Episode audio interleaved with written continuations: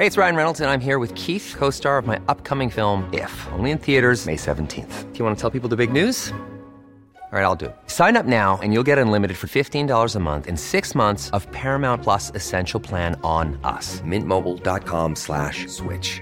Upfront payment of $45 equivalent to $15 per month. Unlimited over 40 gigabytes per month. Face lower speeds. Videos at 480p. Active Mint customers by 531.24 get six months of Paramount Plus Essential Plan. Auto renews after six months. Offer ends May 31st, 2024. Separate Paramount Plus registration required. Terms and conditions apply if rated PG. Life is full of awesome what ifs and some not so much, like unexpected medical costs. That's why United Healthcare provides Health Protector Guard fixed indemnity insurance plans to supplement your primary plan and help manage out of pocket costs. Learn more at uh1.com. Quality sleep is essential. That's why the Sleep Number Smart Bed is designed for your ever evolving sleep needs. Need a bed that's firmer or softer on either side? Helps you sleep at a comfortable temperature? Sleep Number Smart Beds let you individualize your comfort so you sleep better together. JD Power ranks Sleep Number number 1 in customer satisfaction with mattresses purchased in-store. And now, save 50% on the Sleep Number limited edition Smart Bed for a limited time. For JD Power 2023 award information, visit jdpower.com/awards. Only at a Sleep Number store or sleepnumber.com. Gjenklang.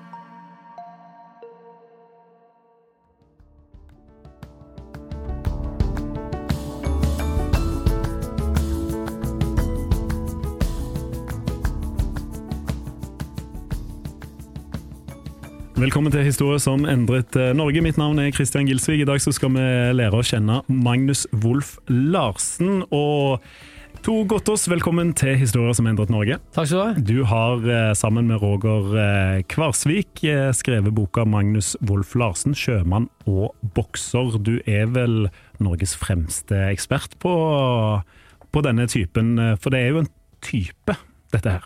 Han var jo tater av fødsel, Ja. født 1901. Reiste til lands og til vanns. Faren ble knivdrept da, var, da Magnus var tre år, altså 1904. De lå ved Loelva i Kristiania, og unga, det var seks søsken, fire brødre og to søstre, så at faren ble drept av en dame som het Amanda Quick.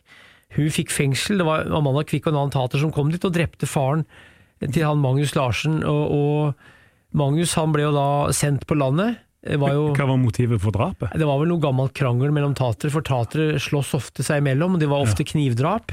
Det var gamle feider som gikk i arv ofte òg. Men uansett, Magnus han ble sendt på landet til en gardbruker oppe på Gjerdrum, for hvis du var eh, foreldreløs eller mista en av foreldra, så ble ofte unga tatt fra foreldra. Det gjaldt jo hvem som helst, men de var tatere i tillegg, og det var stifta noe som het Norsk misjon blant hjemløse, en, en organisasjon i 1897 for å tvangsbosette tatere. Så han kom under den derre under vergerådet da, Magnus i Kristiania. Vergerådet, det var de som, vergerådet var de som tok seg av fattige barn. De bestemte at han skulle bo på en gard sammen med søstera si og på Gjerdrum eh, og være bortplassert. Da fikk bonden en viss sum for å ta vare på han, og der skulle Magnus bo til han ble eldre eller kanskje voksen. Han bodde der ikke så lenge, for han eh, bodde der noen år før han gikk på skolen. Så begynte han på skolen, han jobba som gardsgutt, ble det sagt, måtte ha tungt arbeid. Eh, hadde rødt hår, eh, kraftige armer, og han var urolig som type. I dag ville kanskje noen sagt ADHD. Han var urolig som type, og han visste at han var bortplassert, han visste han var fosterbarn, visste at han var tatergutt. Og det var jo andre bortplasserte barn i bygda, men han var i hvert fall sett på som litt urolig, og han ble sendt han ble utvist derfra og sendt til noe som het Idioten i Oslo. Det var en skole opp, eh, opp Adamstuen. Det ble kalt Idioten, for der var det for vanskeligstilte gutter. Gutter som kanskje ikke klarte å oppføre seg, som ikke ville oppføre seg som andre gutter. Dit ble han sendt, og der var det en mellomperiode. Så ble han sendt ned til Brunlandnes, til en gardbruker der, på en gard som heter Ødelund. Der var han bortplassert som fosterbarn eh, hos en kar, på samme måte som Gjerdrum. Da var han eldre også.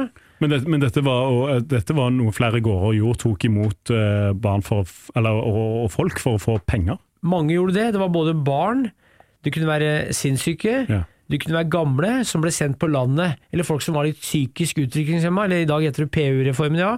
Det, det var vanlig, og noen kunne ha én person. Det er eksempler på at noen hadde opptil 20 barn. Ja. Da fikk de en fast sum per måned, og da fungerte de som billig eller gratis arbeidskraft. Og filmen, eller boka De vergeløse av Gabriel Scott, med filmen De vergeløse, er et eksempel på det. Hvordan Flugumfaen, han typen, driver og herser med de unga. Så det er mange eksempler på at eh, unger hadde det jævlig, noen hadde det bra. Magnus hadde det sånn passe, tror jeg, eh, på den første garden, og på den andre garden så var han litt eldre. Og der var han uten søstera, og der var han øh, Det sies at han begynte å slåss med han fosterfaren der. Han hadde banka opp læreren på skolen, ble det sagt. Han var jo jævlig sterk, vet du. Du ser bildet han på omslaget av boka, så han, er han bare 19 år cirka, og har jo armer som vedkubber. Skikkelig grov type, har ikke løfta en vekt, han. Så han var en naturlig plugg, og hadde visstnok litt øh, Eller ble provosert, altså. Hvis han ble provosert, så ble han forbanna. Så han øh, banka opp fosterfaren og banka opp læreren sin, så dro til sjøs rundt 1915 etter konfirmasjonen for å bli sjømann fra Larvik. Sendt til sjøs, eller uh, eget øh, valg? Det var nok en blanding, tror jeg. Ja. Men hvis du vokste opp som han gjorde etter hvert da, i Brunlandet, så hadde reist, han hadde reist langs kysten og visste om sjølivet. Han var født i Søndeled. Så, så, så visste han at det var noen mulighet. Mange tatere, eller noen tatere dro til sjøs. Det var en måte å komme seg ut på, en måte å få jobb på, en måte å komme ut i eventyret på. Så han dro til sjøs sikkert av eventyrlyst, og fordi han skjønte at det var best, for da, da kunne han komme seg ut og se noe annet av verden. Og når da eh, hvor, eh, Når du drar til sjøs, hvor, hvor, hvor dro Magnus da? Han kom jo fort ned til eh, Rotterdam og Amsterdam. Ja. Eh, Det var store byer for sjøfart. Eh, Rotterdam var jo, er vel fortsatt en stor sjøfartsby, og det var jo Genova, Rotterdam, London, eh, så hadde du USA, hadde du New York, eh, New Orleans, San Francisco, så hadde du Buenos Aires i Argentina, det var, det var eh, Kobe i Japan, du hadde Durban i Sør-Afrika, det var mange byer hvor nordmenn var, men det var veldig mange norske sjøfolk i Rotterdam, det var jo masse barer, norske barer, det var tusenvis, eller hundrevis av barer der, og han kom dit og og boksa eh, og, og, og fikk vist at han hadde slagkraft. Altså han, han, han skjønte jo det, og han hadde ikke noe særlig bokseteknikk, men han hadde veldig slagstyrke og punch, og var uredd. Altså, og det ble sagt at hvis foreldre, kameratene kom i slåsskamp, så, så gikk han imellom og, og, skulle banke opp de, og, eller banke opp de som de sloss mot. Så han var en type som ikke lett havna i slåsskamp sjøl, men som var sammen med andre hvor noen ble provosert, og da skulle han ta seg av det, ordne opp i det. altså. Ja.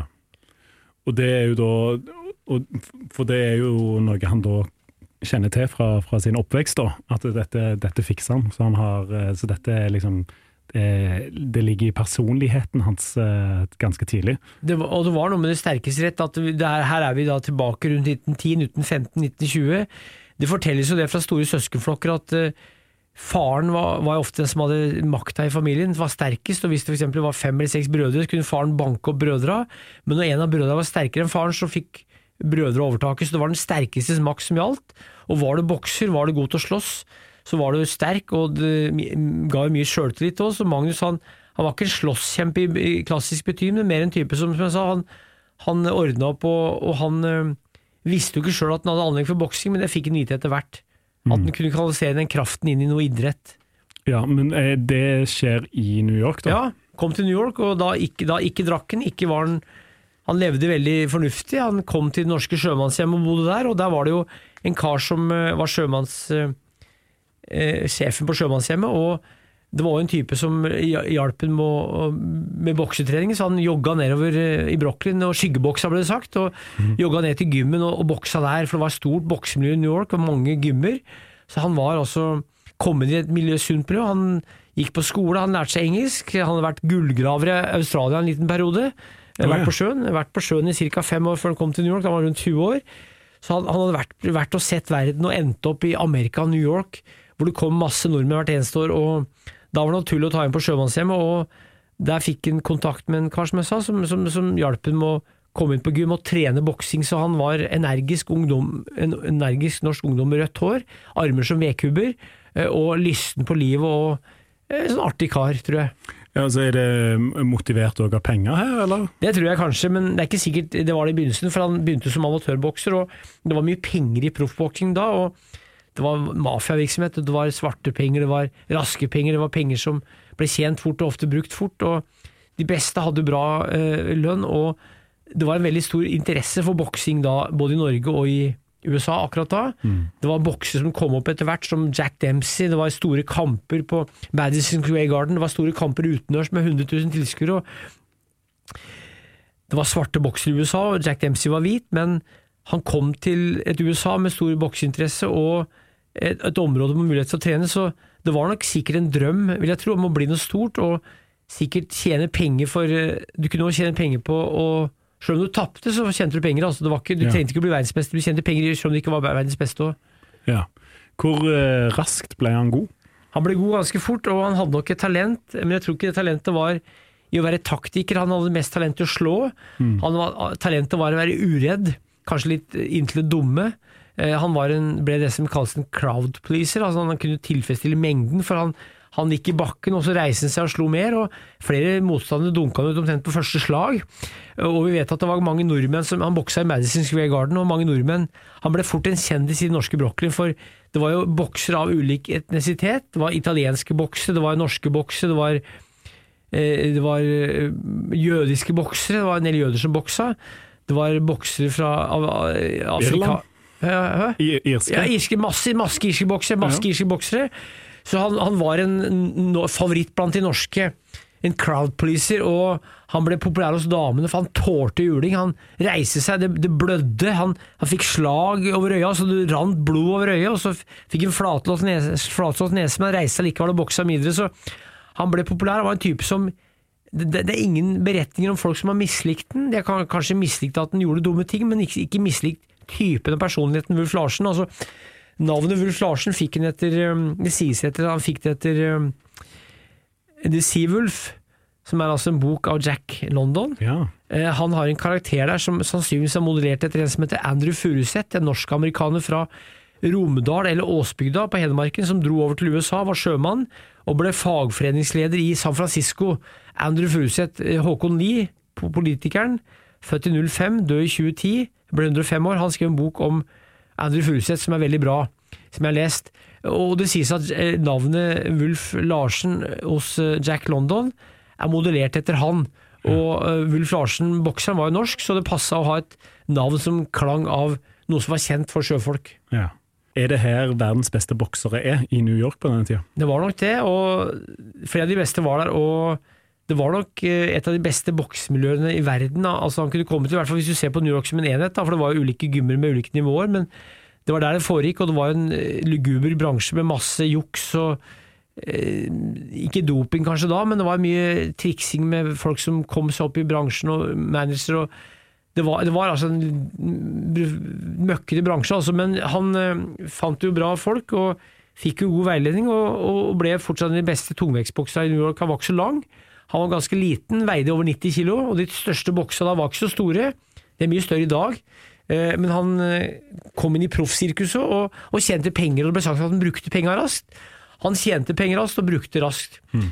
Det gikk jo rykter om at han hadde kjæreste og fikk unge, det vet vi ikke om stemmer, men det sies at han kanskje fikk en unge, løsunge som det heter før, at ungen var født ut av ekteskap, men han skal ha hatt noen kjærester og, og brukt og penga på de, altså på kjæresten fikk, fikk Han var sjenerøs mot kjæreste, ble det sagt, for han, han hadde ikke evnen til å legge seg opp penger, og, og, dro til Boston og boksa der. Han boksa opp i Montreal, han boksa i Mexico, for sjøl om han var lovende og gjorde det bra i begynnelsen, så, så gikk det ikke så bra som, han, som folk håpa på. Det kan godt hende at det har med å gjøre med at han ikke var smart nok som bokser, han ville ikke bli smart nok. Han, han var ikke taktisk nok, og han var ikke så slu eller lur, lur som du må være for å være god bokser. så det var nok det at den ikke hadde det som skulle til for å bli så god, men fysisk så hadde den kanskje det allikevel, ikke taktisk. Ja, hvor går det galt, da? Eh, I, i, for å ta boksekarrieren, da. Hvor, hvor eh, begynner det å gå nedover? Nei, det var vel Det var jo ganske tidlig. Han var ikke så gammel, for han eh, var en 3-24 år, så begynte han å han, han fikk eh, kvinnfolk etter seg, han begynte å drikke litt. Han havna utpå, og det var viru- virak rundt den, altså han ble en kjendis i den norske Brooklyn. Så Ja. det var ganske tidlig, egentlig, i 20-åra. Men, men da er det jo disse folkene da som eh, tok han inn, og du sier bra folk som tok han inn for mm. å liksom, eh, hjelpe han til å bli en proffbokser. da. Er det bransjens, altså kulturen i bransjen som gjør at det er litt sånn bruk og kast, eller er det For det går jo til hodet på han da, på et eller annet nivå. Jeg vil tro det at eh, bransjen var jo bruk og kast, er jo fortsatt bruk og kast. Husker Ole Klemetsen, eh, for eksempel. Ikke at han ble bruk og kast, men han var i bransjen. Så det var nok en blanding av at det var bruk og kast, og at han kom dit som ganske naiv nordmann. 20 år, kom dit alene, hadde ikke noe Han skrev brev til Norge, det vet vi, han skrev brev. Ja. Senere har jeg fått greie på at han sendte brev til Norge som fortsatt fins, jeg har ikke lest det brevet, men jeg har hørt at de fins. Så, og det at den var der alene som eh, norsk ungdom eh, Det var eh, alkohol, det var kvinnfolk, det var storby. Det var jo helt annerledes å bo i en storby enn det var med skyskrapere, enn det var å bo på en gard på Gjerdrum. Eller, så det var det at den fikk et slags kultursjokk òg, tror jeg. Og han, mange mannfolk, når de får fristelser som det der, så lar seg friste med kvinnfolk og alkohol. Så det, var ikke så rart, egentlig. Det var ganske mange som gikk i den samme fella, havna i den samme skjebnen. men vi hører om de som lykkes, men vi hører ikke alle om de som mislykkes. Og i bokseverdenen så er det mange som, som gikk den veien der, tror jeg. Men han drakk seg ut av idretten, da? Ja, eller surra og drakk og fikk ikke til sånn som han ville. Og det var nok Men hva da surra? Hva Nei, det var med festing, altså. Og Ja. med, eh, så var han jobba litt på sjøen. Han jobba jo på de store lekene, han gikk jo på skip der, så han var jo fortsatt sjømann han var i Amerika. Okay. Han, han, han, det var snakk om at han skulle bokse sammen med en svenske, dra til Europa, men det ble det ikke noe av. Og så fikk han rådgiver, så dro han til Boston, så var han der en periode og bodde der, og så boksa han ned i Mexico, så var han oppe i Montreal, så han prøvde, men jeg tror det var vi har ikke klart å nøste opp hele historien, for det er jo vanskelig å skrive en bok om en sånn type. Hva skal vi, Stoffet finnes jo, men det finnes ikke mye av det, for at det, det er ikke registrert. Så vi måtte prøve å dokumentere fra kamp til kamp, så det ser ut som en og var borti kriminelle ting. Han hadde noe skytevåpen, han kom borti mafiaen. som var inni Mafiaen var jo så klart inne i bokseverdenen kraftig der. Italiensk mafia. Ja. Irsk mafia. Jeg kan ikke så mye om det, men jeg vet at det var tilfellet. Så det kom borti sånne størrelser og elementer, så, så kom du, og, og drakk litt i tillegg, så kom du lett borti problemer, altså. Det ser jeg for meg. Millions of people have lost weight with personalized plans from Noom, like Evan, who can't stand salads and still lost 50 pounds. Salads, generally, for most people, are the easy button, right? For me, that wasn't an option. I never really was a salad guy. That's just not who I am. But Noom worked for me. Get your personalized plan today at Noom.com. Real Noom user compensated to provide their story. In four weeks, the typical Noom user can expect to lose one to two pounds per week. Individual results may vary. Hey, it's Ryan Reynolds, and I'm here with Keith, co star of my upcoming film, If, only in theaters, May 17th. Do you want to tell people the big news? All right, I'll do it. Sign up now and you'll get unlimited for $15 a month in six months of Paramount Plus Essential Plan on us. Mintmobile.com slash switch. Upfront payment of $45 equivalent to $15 per month. Unlimited over 40 gigabytes per month. Face lower speeds. Videos at 480p. Active Mint customers by 531.24 get six months of Paramount Plus Essential Plan. Auto renews after six months. Offer ends May 31st, 2024. Separate Paramount Plus registration required. Terms and conditions apply if rated PG. I'm Sandra, and I'm just the professional your small business was looking for. But you didn't hire me because you didn't use LinkedIn jobs. LinkedIn has professionals you can't find anywhere else, including those who aren't actively looking for a new job but might be open to the perfect role, like me. In a given month, over 70% of LinkedIn users don't visit other leading job sites. So if you're not looking on LinkedIn, you'll miss out on great candidates like Sandra. Start hiring professionals like a professional. Post your free job on linkedin.com/people today. Han ender opp i Ørkensur. Han endte først i Ørkensur eh, Først var han i Ørkensur. Eh, Han bodde der en periode, og vi vet at da var han kanskje for drukken, men han bodde i ei hytte der. Eh, Så tok han seg sammen og endte faktisk opp på Betesta. Så i 1930 om sommeren så, så gikk han opp til, han, var, han gikk fra Ørkensur opp til Betesta, vet vi, og fikk mat og hørte på andakt.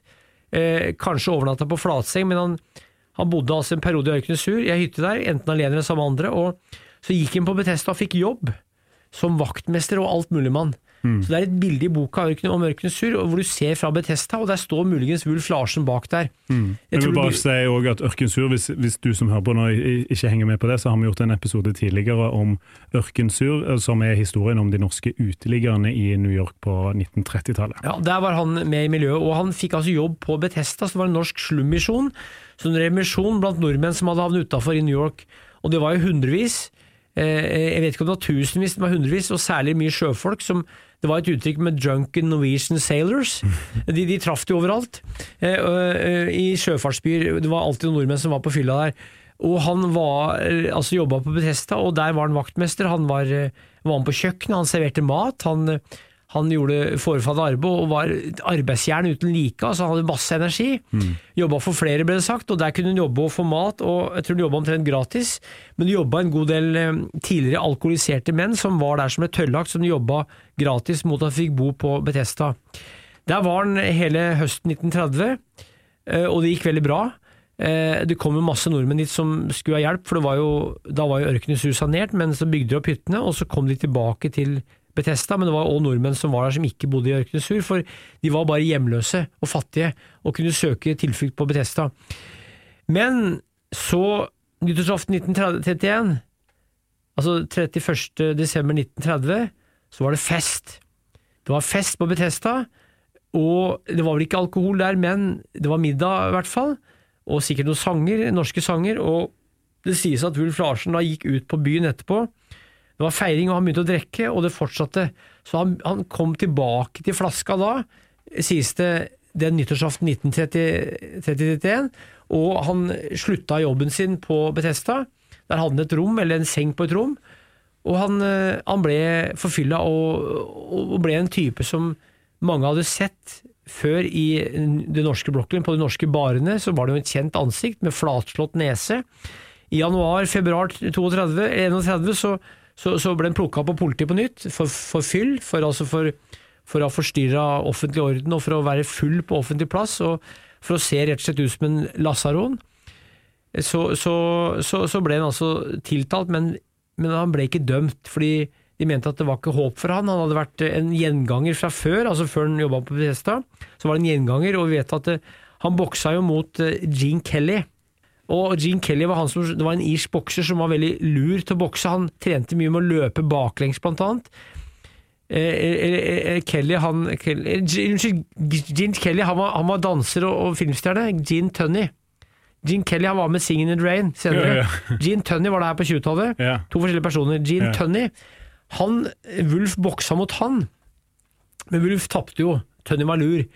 Men Tønny slo senere Jack Dempsey, som var en av verdens største idrettsstjerner da, eh, og ble rik. altså. Gin Tønny han hadde ikke han hadde ikke bokserens flatslåtte tryne, han var veldig intelligent, han var boklig anlagt, han, han, var lur på alle måter, og han slo jo Wulf Larsen ned i støvla, men det sies at eh, det ble sagt at eh, Gin Tønny aldri hadde kjent så harde slag som fra Wulf Larsen, og det kan godt hende det stemmer, men poenget var Tønny ble rik, han gikk rundt i fin dress i Brooklyn, hatt og fin dress, og han så da Møtte Wulf Larsen på gata. Wulf Larsen var kledd i filler. Ja. Wulf Larsen kom uh, subbende nedover, uh, enten om det var 8. Avenue, eller om det var et sted hvor det var mye nordmenn. Kom subbende nedover gata og traff din skjønner. De, de hilste på hverandre. Eh, mulig at de ga et håndtrykk eller en klem, jeg vet ikke. Men da hadde Tønny, sies det, ifølge sagaen, hadde han spandert klær på han og et måltid.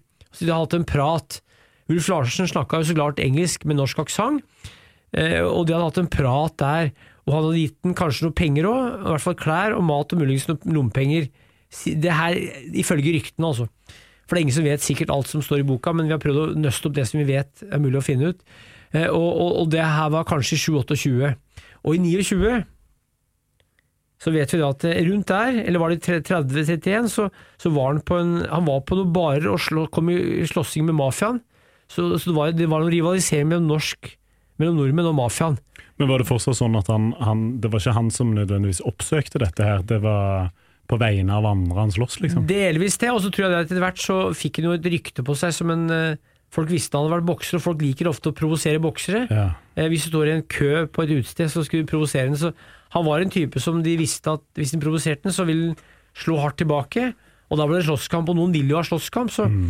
Han var nok lettere å angripe enn var før, og han hadde rykte på seg, så litt lasete og fillete ut. og med det litt bokseraktige ut, utseendet med, med, sånne hovne, sånne hovne øynebryn og Du kan se at det er boksere, altså. Ja. Mest positivt, men ikke altså Det er et slags kjennetegn. Men uansett så, så var han borti noen slåsskamp med mafiaen, og det var snakk om at uh, det var knivstikking der, uh, og det var knivstikking og slåssing, så han ble uønska. Det var folk i mafiaen som ville rett og slett ta han. Italienske mafiaen. Altså, han var jo en, fra deres ståsted en urokråke og en som var mot de. da. Og nordmenn og italienere hadde en del krangling, ble det sagt. Så i 1931, i juni, så var Ruf Larsen på en kirkegård for å besøke en grav som, hvor det lå en kamerat som var død. Og der sies det at det var um, tre-fire stykker fra mafiaen som kom og banka han opp. Han fikk juling. Eh, bokseren fikk juling. Det var i 1931 i juni. For, Og- men hva var bakgrunnen for at de Nei, det var nok noe, jeg tror det var noe hevn, altså. At han Ja. kanskje hadde gjort noe mot eh, noen som de kjente, og så skulle de banke noe for å ta hevn. Vi vet jo ikke alt som har skjedd der. Ja. For det som vi vet, er jo fragmenter. Boka er jo, øh, det er jo en bok, altså, men det er jo ikke noe totalbiografi. Det er mer et riss av et liv, det vi fant ut om en sånn kar, hva som er mulig å finne ut senere. Det er jo ganske mye likevel, tross alt. Men uansett, da ble han banka opp og ble slått nesten i hjel, eller helseløs. og Den sommeren skulle det være et boksestevne i New York, i Brooklyn. Og da skulle Wulf Larsen være en maskot for det stevnet. Han skulle komme opp i ringen og skyggebokse litt, og ble hylla som Wulf Larsen, den norske bokselegenden. Han, var- han var en kjendis i norske Brooklyn. Ja.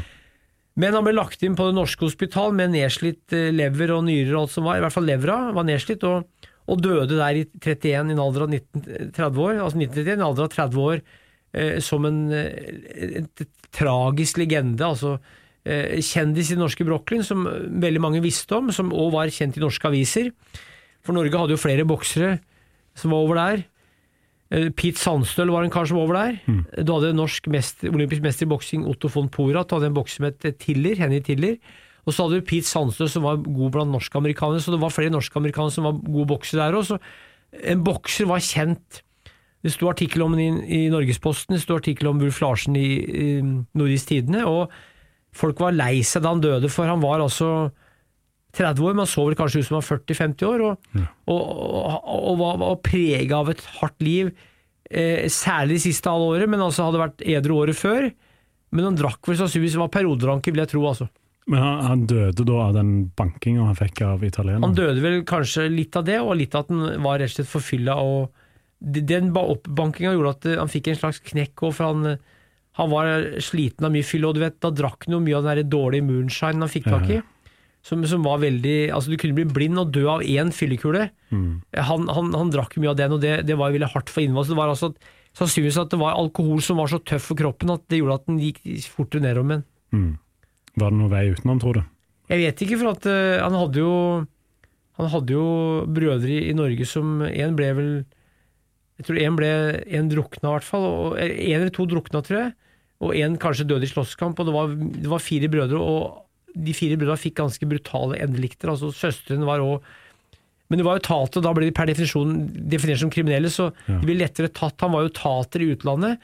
Brødrene var en i Norge, de var jo tater i Norge som ble ramma av myndighetenes politikk overfor tatere her, men der hadde han jo ikke noe tater Han var jo ikke tater der, han, men han var ikke Han var jo bokser og nordmann, ikke en tater i, i status blant folk. Men en minoritet allikevel? Ja, en nordmann, var veldig populær, og det sies at han ble spandert folk spanderte jo brennevin på han. Hvis han kom på en bar, så var det tjohei, og folk spanderte på Ulf Larsen, og han var et midtpunkt. Han, han var nok litt enfoldig og enkel. Eh, kanskje ikke dum, men, men litt godtroende, eh, ble det sagt. og kunne drive med sånn practical jokes hvor han løfta en ponni og, og slo høl i en vegg. og Han var jævlig sterk og hadde krefter som, som han ikke ante hva var. altså Naturlig sterk, som ble, ble, ble holdt til like av trening. og eh, Noe av grunnen til at han var sterk, var at han jobba på gard fra han var fire-fem år. altså Hatt gardsarbeid fra han var fire-fem år, og det var hardt. I 1910 altså, var det hardt å være gardskar eh, hvis du var guttunge. Men eh, altså, det er jo en eh, Det er jo sånn uh, superstjerneliv hvor du på en måte blir havner inn i en tilværelse hvor, som ikke er sunn for deg, men så er det alle rundt deg da eh, fortsetter å spandere brennevin, fortsetter på en måte å, å hylle deg og vil at du skal være med på practical jokes og provosere og vil slåss med deg, på en måte, så er det jo Det, det virker jo som at eh, på de ti siste årene hans, da, at det er det bare var sånn gra... Altså, han kunne jo ikke holdt på i ti år til på det. Nei, nei, nei, han kunne, ikke det. Og han drakk, da han kom til New York, så drakk han jo ikke. Han levde jo sunt, han var veldig fornuftig. Og det var det at han fikk smaken på det livet der. Og jeg tror han drakk i perioder. og Det var jo forbudstida. Det var jo aldri, jo aldri vært så mye alkoholmisbruk i USA som da, så det var det at han havna i gærent selskap, tror jeg. Var alene der. og Han ble som sagt hjemløs. Han bodde i ørkenen sur en periode. og han eh, du vet, det, det, det miljøet som var der, det var en storby, masse folk, så det var aldri mangel på muligheter. Hvis en da fikk påspandert f.eks. brennevin overalt, så var det ikke så vanskelig å drikke. Han trengte ikke ha penger engang. Han var bare en type som folk likte å, å, spandere på. Og da han døde, så var det jo boksekommisjonen i New York som betalte begravelsen. Masse folk der. Ja. Eh, Og det var en dame der, sies det, eh, muligens norsk, muligens amerikansk, som var der Mens um, jeg tror hun hadde svarte solbriller. Ble, altså det ble i hvert fall sagt at det var en mystisk dame der. Som ifølge sa, nå, nå sier jeg hva som kanskje ikke er helt sikkert, men som ifølge, etter sigende, da, ifølge eh, noe av det som er skrevet, er jo basert på muntlig utsagn. At det var ei dame som, som betalte for graven og stelte graven, fikk blomster på graven etterpå siste. Det, det, det, det sier Soga. Det kan ha vært kanskje en dame som han hadde forhold til, eller som han kanskje hadde en unge med. For det ble sagt at han hadde én eller to unger, men det, det vet ikke sikkert. Men det er spekulert i, altså, for at det, noe blir jo spekulasjoner her òg. Ja, for det var jo et av mine spørsmål òg. Altså alle disse damene som, som sverma rundt han, som du beskrev. eh, Det var ingen av de som klarte å få han, eh, få han inn på en bedre sti. Det er sikkert noen som prøvde, for at eh, boksere er jo ofte tøffe typer, og tøffe typer trenger ofte noen til å ta vare på seg. Og damer liker jo folk som er tøffe, men samtidig har behov for omsorg. Så han hadde vel eh, damer rundt seg fordi han var en, en, stjerne, en norsk stjerne i Brochlin. og han utmerka seg, og, og, i og med at han var så tøff til å tåle juling, så ga det ekstra sympati, både blant publikum som likte å se en person som, som datt og som klarte å lide, men sånne typer får ekstra sympati hos damer, og da vil, når du drikker i tillegg, så er det alltid noen damer som vil ta seg av sånne typer. vet du. Mm. Så jeg tror at han hadde ekstra Det vekka vel morsinstinktet hos noen, at han, og han klarte seg ikke sjøl. Etter hvert så surra han noe mye, eh, så det var sikkert derfor at han ble populær hos den typen kvinner òg. Men de vet ikke noe særlig om, altså annet at de var der og fantes, men vi vet ikke navnene på dem, fordi de er utafor historien som vi har klart å spore opp. Ja. Det er litt dumt, men sånn er det bare. Får ikke gjort med det. Men Fascinerende historie, Enormt. dette her. Og det, er jo, det, er jo som, det, er jo, det bør lages en film om det, for det er jo filmmateriale de luxe. Det er jo mellomkrigstida, mafiaen, boksing, utvandring, sjømannsliv. Det ligger og venter en filmhistorie her, så det er flere som har tatt kontakt, men det har ikke blitt noe enda. Men jeg håper at noen kan lage en spillefilm om Magnus Ulf Larsen. Det er like bra som en virksomhets Hollywood-story, kanskje bedre, bedre og basert på virkeligheten. Ja, for det er folk som har kontaktet deg? Flere, Det er vel en fire-fem stykker som har gjort det gjennom åra, men, men, det har ikke blitt noe av, for de må jo ha penger og bevilgninger altså Bøker kan du skrive uten å få noe støtte, og så får du litt royalty etterpå når boka selger noe, Ja. men filmer må jo ha finansiering på forhånd og masse planlegging. og Det må gjøres eh, en helt annen jobb enn å skrive en bok. Det er forholdsvis enkelt. Men når, når jeg har lest, eh, lest eh, boka Magnus Wolff Larsen, 'Sjømann og bokser', så ser jeg jo filmen veldig tydelig for meg òg. Når jeg skrev boka, så så jeg filmen. Jeg satt og skrev filmen. Ja, ja, det er så filmatisk stoff, altså. Ja. Og jeg ser for meg at han er i ringen der, og han er i Brooklyn. og det, er, det kan plasseres i et tid som er så gjenkjennelig, fordi vi har hørt om det i populærkulturen. Ja. Mafiaen og mellomkrigstida, og depresjon og utvandring og sjømenn og nordmenn. Og det, det passer så bra til en bra, bra film. Det Skulle vært vist i Hollywood hvis de hadde orka å spytte penger inn i det. Ja. Nei, får håpe noen hører på. Ja, Tor Gotaas, eh, takk for at du eh, stilte opp i Historier som endret Norge i dag, og fortalte om Magnus Wolff Larsen. sjøl takk.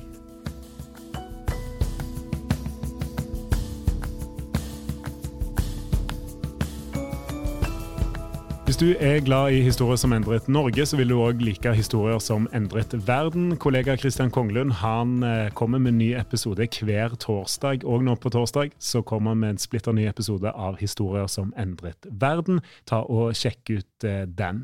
Du kan òg følge oss i Historier som endret eh, Norge på Instagram. Der legger vi ut bilder og videoer som er relatert til ukens episode. Der kan du òg komme i kontakt med meg om du har episodeønsker eller gjesteforslag. Ta og Send meg en melding på Instagram. Historier som endret Norge. Gjenklang.